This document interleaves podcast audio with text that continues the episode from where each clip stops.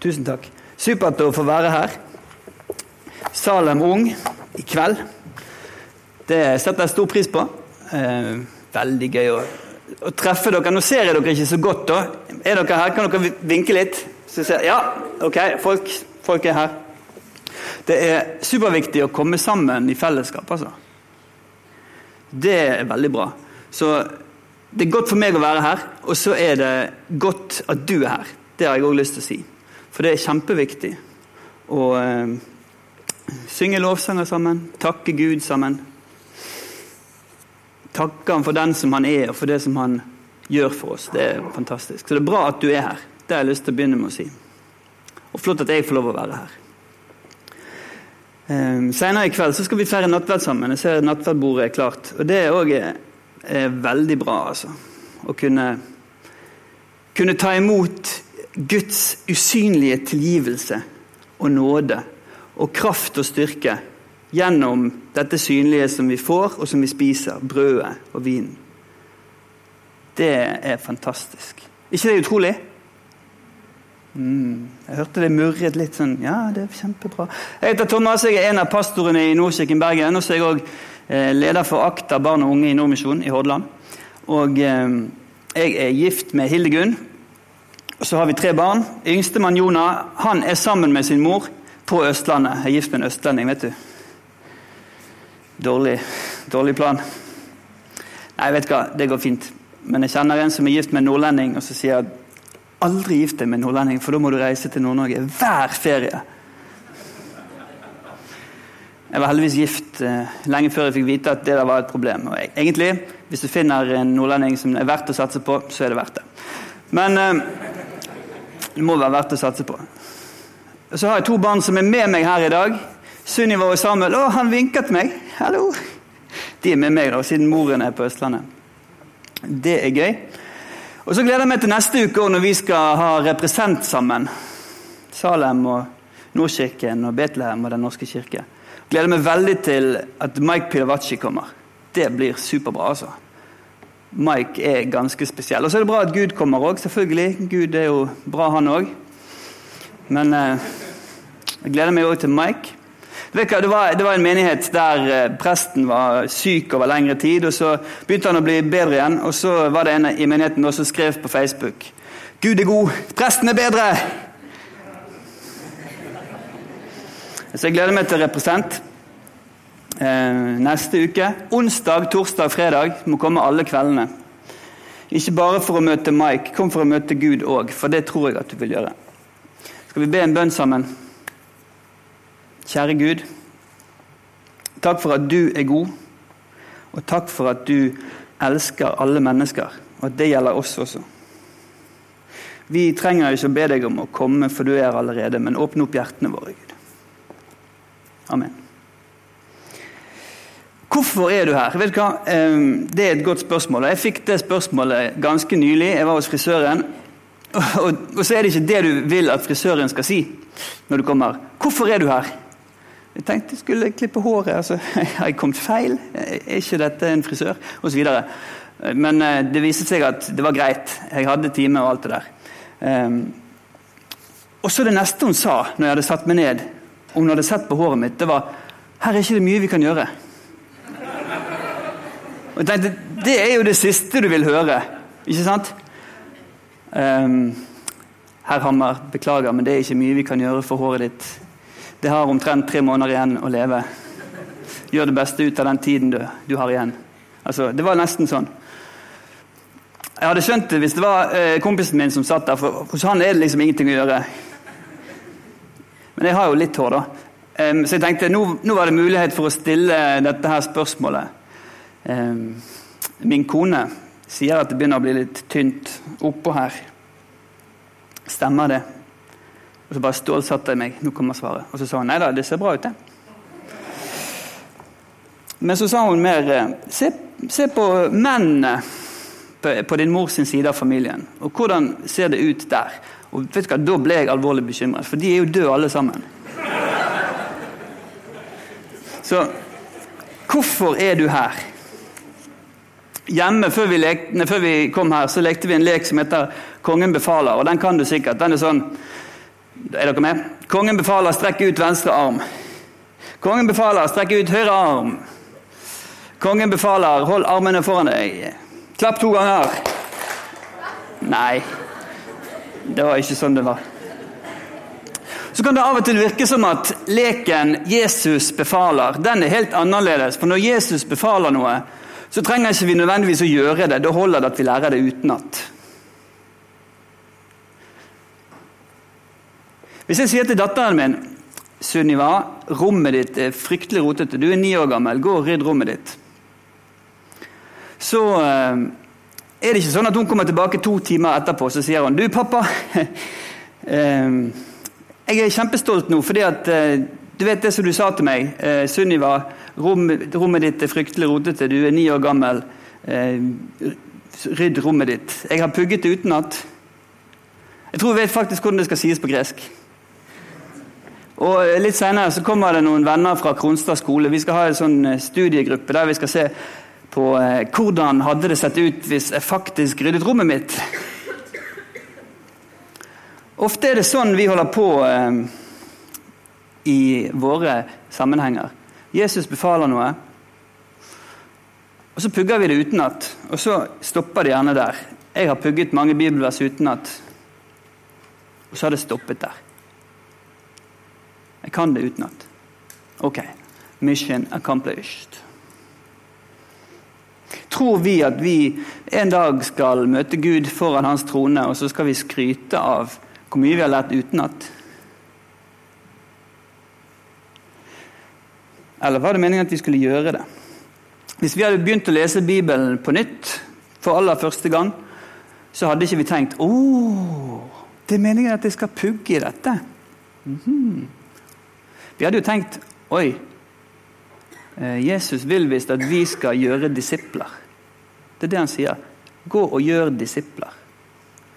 Og Så er da spørsmålet hvor mange disipler har du? Jeg har ikke så mange disipler, kanskje. I hvert fall ikke sånn som Jesus hadde.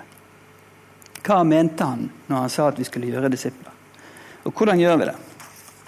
Vet du hva, Dette her utfordrer meg voldsomt. Og eh, Ofte er det sånn at det som utfordrer meg mest, det må jeg tale om, for da får jeg tid til å sette, litt, sette meg litt inn i det.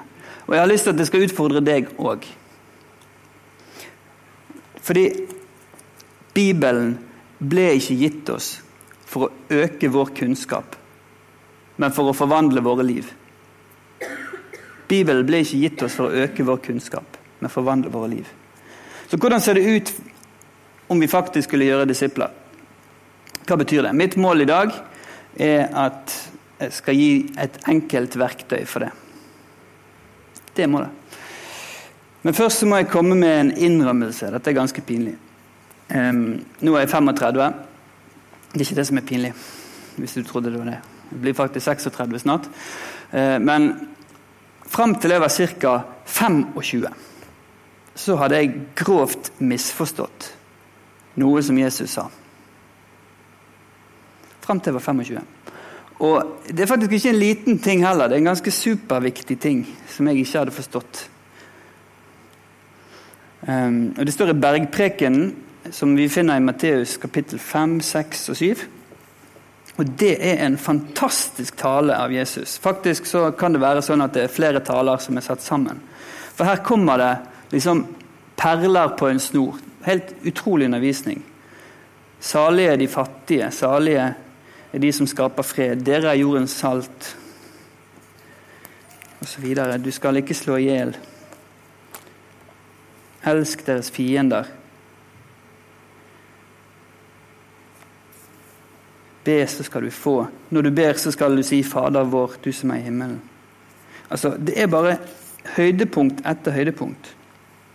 Og så kommer vi til, eh, til slutten her slutten av bergprekenen.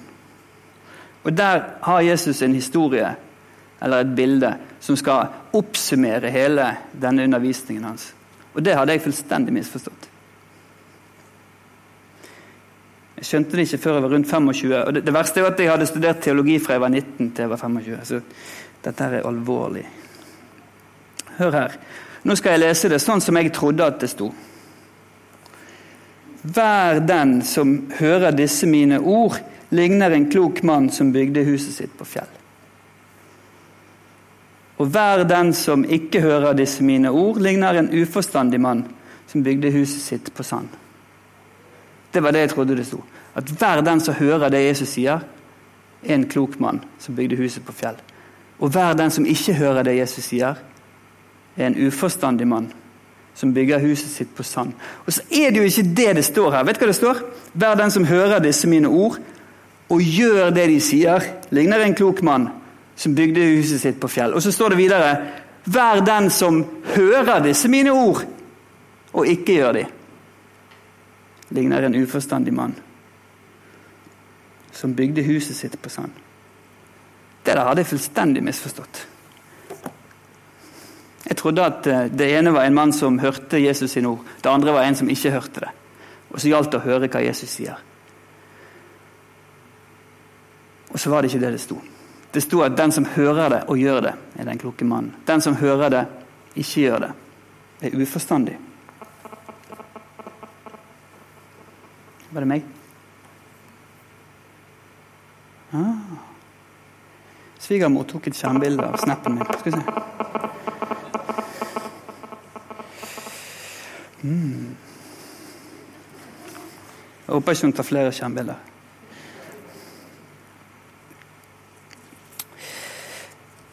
Heldigvis er dere smartere enn meg, så dere hadde ikke gjort denne feil, feiltolkningen. Dere er både smartere og klokere og penere, sant? så dere hadde ikke tenkt dette her. Men jeg syns det var superpinlig. Så har jeg lært seinere at poenget med Matteusevangeliet ikke var det som jeg hadde trodd. Jeg trodde at poenget med Matteusevangeliet var å fortelle historien om Jesus. Sånn var det når Jesus levde på jorden. Dette skjedde. Og så har jeg lært senere at nei, det var faktisk ikke poenget. Fordi at det trengte ikke Matteus å gjøre, for det hadde noen allerede gjort. Markus hadde jo skrevet et evangelium. Og eh, det ser ut til at Matteus faktisk brukte Markusevangeliet som en mal når han skrev sitt. Så det må ha vært en annen grunn til å bare fortelle det som skjedde. Ja, ja, Det kunne vært å fortelle hans versjon. Nei, sier de som har forsket på dette her. Grunnen til at Matteusevangeliet er skrevet, det er fordi Matteus ville vise det folket han kom fra, hvorfor Jesus var kommet, og hva det betyr for oss. Hvordan skulle folket hans reagere på Jesus? Hvordan skulle de respondere på Jesus? Og Det oppsummerer Matteus helt i slutten med misjonsbefalingen. Fordi Jesus har fått all makt i himmelen og på jorden, så skal vi gå og gjøre disipler. Døpe de og lære de og holde alt som Jesus har befalt. Der òg er det en sånn viktig greie som jeg heller ikke hadde plukket opp. Lære de å holde alt Jesus har befalt. Vet du hva jeg trodde det så? Jeg, trodde det sto 'lære de alt Jesus har befalt'. Så dum er jeg. Heldigvis er dere penere enn meg, så dere skjønte at det ikke var sånn. Matteus var en mann som hadde fått livet sitt forandret da han møtte Jesus. Vi kan lese om det i Matteus 9, vers 9. Så det skal vi gjøre.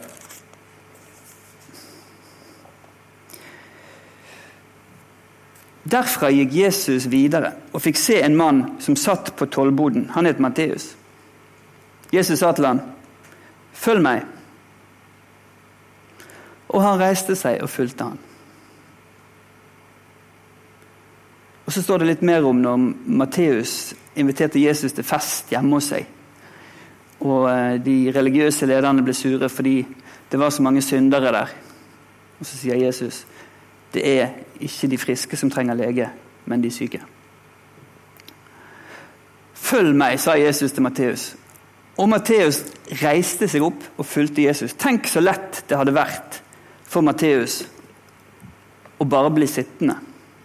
Ja, jeg har ganske mye jeg skal ha gjort. Det skal noe senere i dag, så jeg kan jo ikke akkurat reise meg nå. Eh, tenk på jobben min, tenk på alle vennene mine Tenk på svigermor som Ja, jeg vet ikke om han hadde svigermor. Tenk så lett det hadde vært å ikke gjøre det, men han gjorde det. Han reiste seg og fulgte Jesus.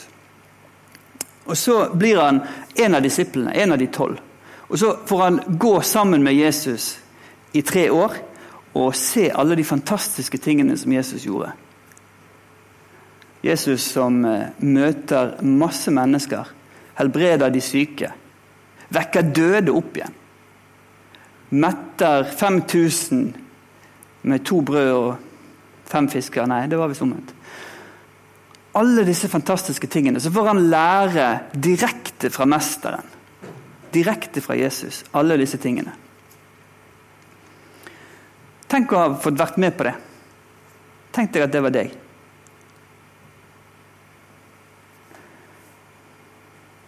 Så Rundt 40 år seinere skriver han ned det som vi kaller Matteusevangeliet. Ikke for å fortelle bare historien til livet om Jesus, men for å fortelle en historie som fortsatt lever, fordi det handler om livet til de som leser. Det handler om livet mitt, det handler om livet ditt. Matteusevangeliet handler om oss like mye som det handler om livet til Jesus. Og så munner det ut i denne her avslutningen og konklusjonen til Matteus. Pga. alt det som jeg har skrevet, pga. alt det som Jesus har sagt og gjort. Han har fått all makt i himmel og på jord. Gå og gjør alle folkeslag til disipler.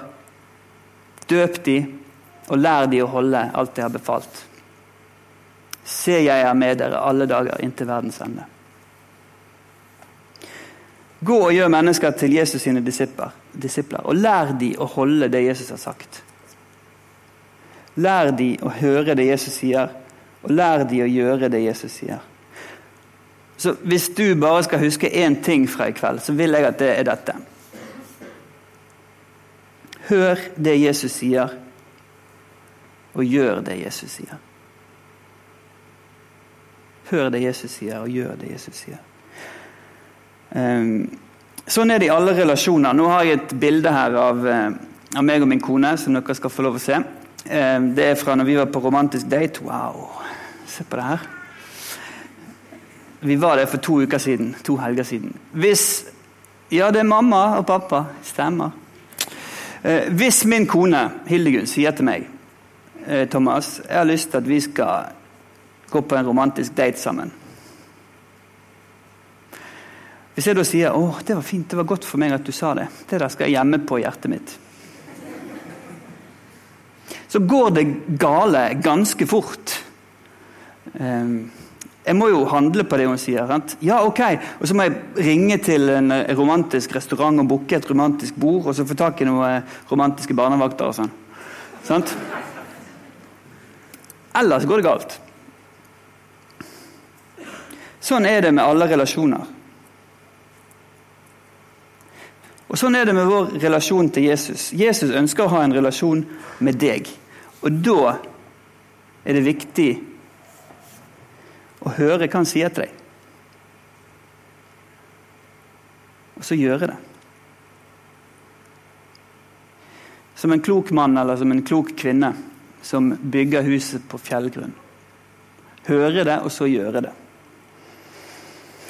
Og med all respekt for min kone her, som eh, vi har en fin relasjon, men hvis Jesus er den han sier han er, hvis han er Gud sjøl, Guds sønn og en i treenigheten, så er relasjonen til Jesus den viktigste relasjonen vi har. Med all respekt for Hildegunn. Og Derfor tror jeg at dette er de to viktigste spørsmålene som vi kan stille i livene våre. Hva sier Jesus til meg? Hva gjør jeg med det? Til Matteus sa han 'følg meg'. Og vet du hva, Matteus var ikke noen sånn eh, snill fyr når Jesus sa dette til ham. Han var en skurk. Det ser vi jo i det som følger, at de religiøse lederne blir sur når Jesus drar på besøk til ham og spiser sammen med ham. Hvorfor spiser mesteren deres sammen med tollere og syndere? Men Jesus hørte det og sa, det er ikke de friske som trenger lege, men de syke. 'Jeg er ikke kommet for å kalle rettferdige, men syndere'. Jesus kaller alle mennesker til å tro på han. Uansett hvem vi er, hva vi har gjort, det betyr ingenting. For i virkeligheten så er jo vi alle skurker, akkurat sånn som Matteus. Og Hvis ikke du har svart på det kallet, så kan du gjøre det her og nå med en liten bønn. Jesus, jeg har lyst til å tro på deg. Vet du hva? Jeg tror at de aller fleste mennesker ber. De aller fleste mennesker ber. Det er ikke alle som vet hvem de ber til, eller hvordan Gud er, men de aller fleste mennesker ber. Noen ber eh, ganske sjelden, sånn som når nøklene har blitt borte. Og de trenger å finne dem. Vet du forresten hvorfor nøklene alltid er på det siste stedet du leter? Den er, den er god, altså. Noen ber når de ikke finner nøklene sine. Noen ber eh, hvis de skal ut og fly. Eller hvis turbulensen er sånn at det begynner å riste skikkelig. Vet du hva, Jeg fløy med et sånn propellfly her i, i, uken som gikk. Det var skummelt. Det er det beste å bare sove og be. Jeg kjenner en fyr eh, som er pastor borte i England. og Han hadde en i menigheten sin et annet sted i England som hadde vært ute og hoppet fallskjerm. Og så hadde ikke fallskjermen løst seg ut når han dro i snoren sånn som han skulle. Og han fikk mer og mer panikk etter hvert som sekundene gikk. Og Til slutt så skrek han ut 'Gud, hjelp meg!' og da løste fallskjermen seg ut. Og Siden har han vært kristen. Det er helt utrolig. Han er italiener. En ganske spesiell fyr. I vår kultur så er det sånn at det er greit å be. Det er greit å snakke med Gud, for det er jo det som er bønn. Men hvis du sier at 'Gud har sagt noe til meg', så tenker folk at han der er jo helt ko-ko. Som tror at Gud har sagt noe til ham. Det går ikke an. Men jeg tror at Gud kan kommunisere med oss. Og Det er ikke fordi det er noe spesielt med meg som gjør at jeg kan høre Gud.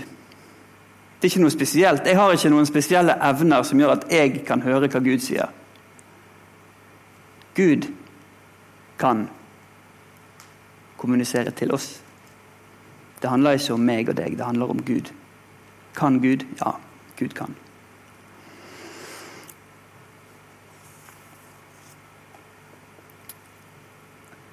Så jeg har egentlig fire punkter. Jeg kan forresten ta vekk bildet av meg nå. Det, jeg tror det holder nå. Men det var veldig romantisk. Jeg har fire punkter på måter Gud kommuniserer med oss. Det første er gjennom Bibelen. I 2. Timoteus bok 3,16 så står det at hver skrift, hver bok i Skriften er innblåst av Gud og nyttig til veiledning. Og Gud kan kommunisere med oss gjennom Bibelen både når vi leser i bibelleseplanen, eller hvordan det er, så blir vi oppbygget av det som står. Men òg eh, i litt mer spesielle sammenhenger så kan du få et bibelvers som du merker at treffer deg der og da. F.eks. da min farfar døde for mange år siden. Det var første i familien som jeg opplevde at ble borte. Jeg gikk på bibelskole da. Og um, da eh, gikk jeg inn på rommet og så leste jeg i Bibelen. Og det første jeg slo opp på, det var dette verset her. Så er det da ennå en hviledag i vente for Guds folk. Er ikke det fantastisk? At, det, at de som tror, skal få gå inn til hvilen hos Gud. Det første jeg leste. Det gjorde det lettere å miste en som jeg var glad i. Og Så kan du pugge bibelvers. Jeg sa det i sted, at det ikke bare for pugging at vi har Bibelen. Men det er vanvittig bra å lære seg bibelvers utenat. Og så bruke de når du trenger det. Hvis du er i en situasjon der du tenker at 'Å, jeg trenger at Gud er med meg nå', så kan du minne deg sjøl på at 'Herren er min hyrde'. Jeg mangler ikke noe. Han lar meg ligge i grønne enger. Han fører meg til vann der jeg finner hvile. Han gir meg nytt liv. Skulle jeg vandre i dødsskyggens dal, frykter jeg ikke for noe vondt. For du er med meg. Din kjepp og din stav, de trøster meg. Du dekker bord for meg, like for øynene på mine fiender. Du salver mitt hode med olje, mitt beger flyter over. Bare godhet og miskunn skal følge meg alle mine dager. Og jeg skal bo i Herrens hus gjennom lange tider.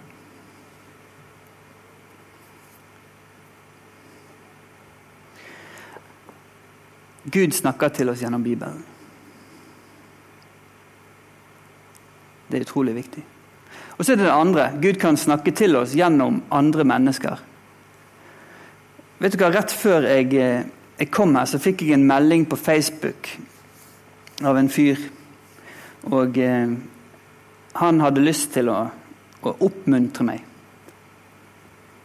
Og Så hadde han sett navnet mitt, han kjente meg ikke, men han hadde funnet ut at han skal jeg sende en oppmuntring til. Fra Gud.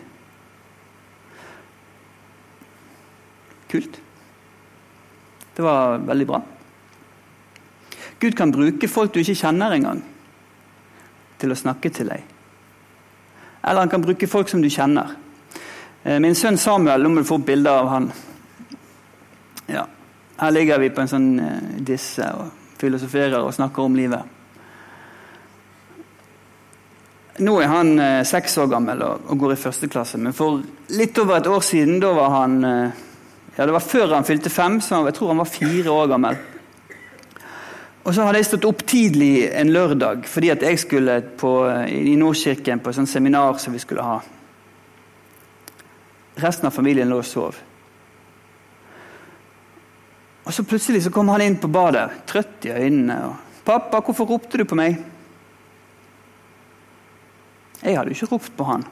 Så husket jeg på historien i, i Samuels bok, eller jeg vet ikke om det er der det står.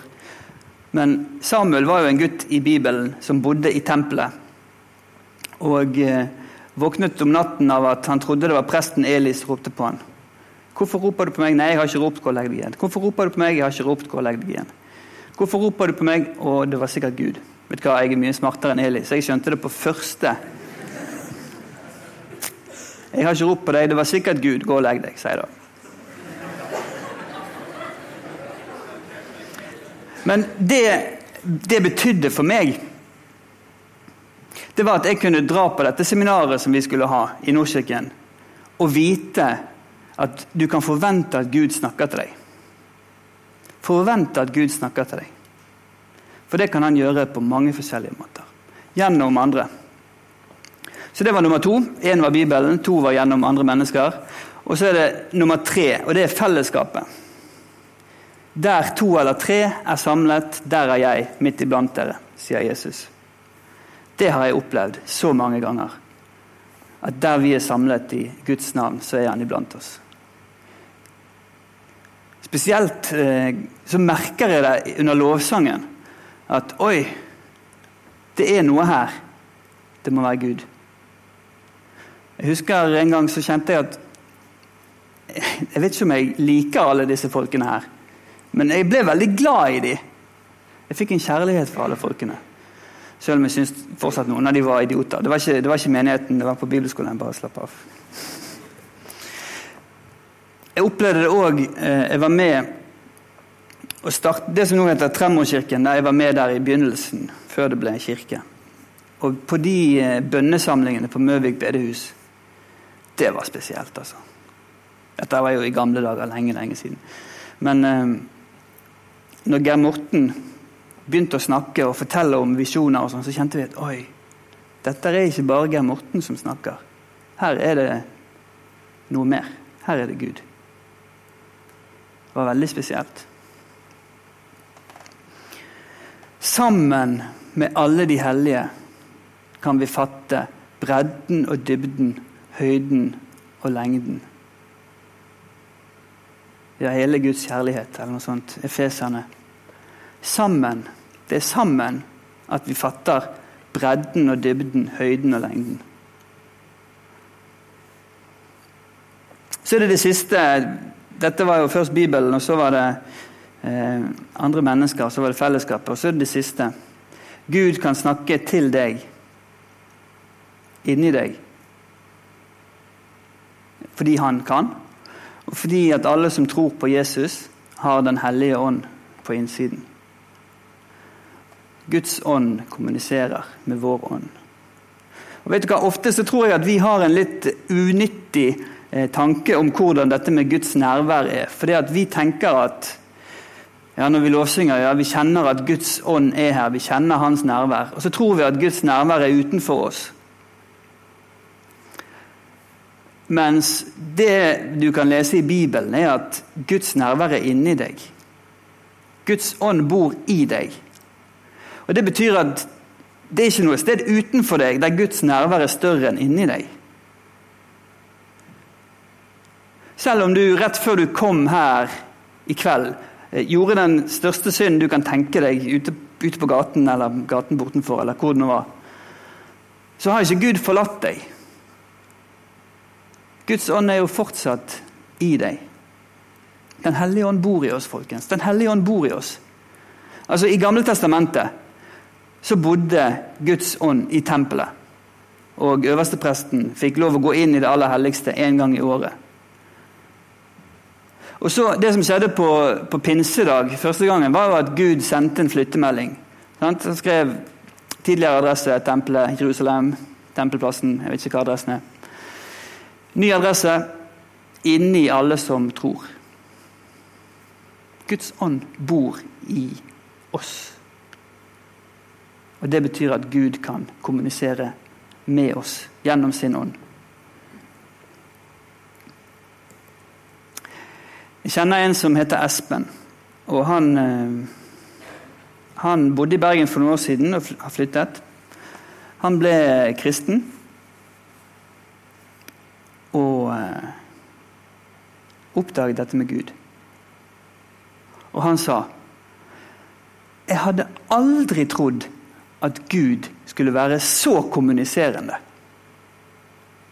Han opplevde at Gud kommuniserte jo med han hele tiden. Ting som han tidligere hadde trodd bare var ting som skjedde. Så skjønte han at Gud prøver å få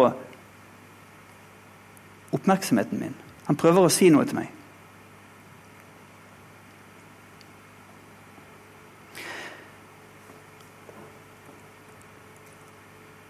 Jeg kom hjem en fredag.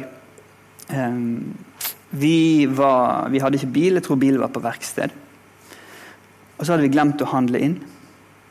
Og så når jeg skjønte at fredagstacoen var faktisk i fare, så ble det krisestemning i heimen. Og så begynte vi å sjekke. Hva har vi? Ok, vi har grønnsaker. Vi har salsa. Vi har lefser. Vi har visst kjøttdeig i frysen. Og så hadde vi alt vi trengte allerede. Krisen avverget. Vi manglet rømme, da. Det var ikke så bra. Yoghurt på taco ikke så bra.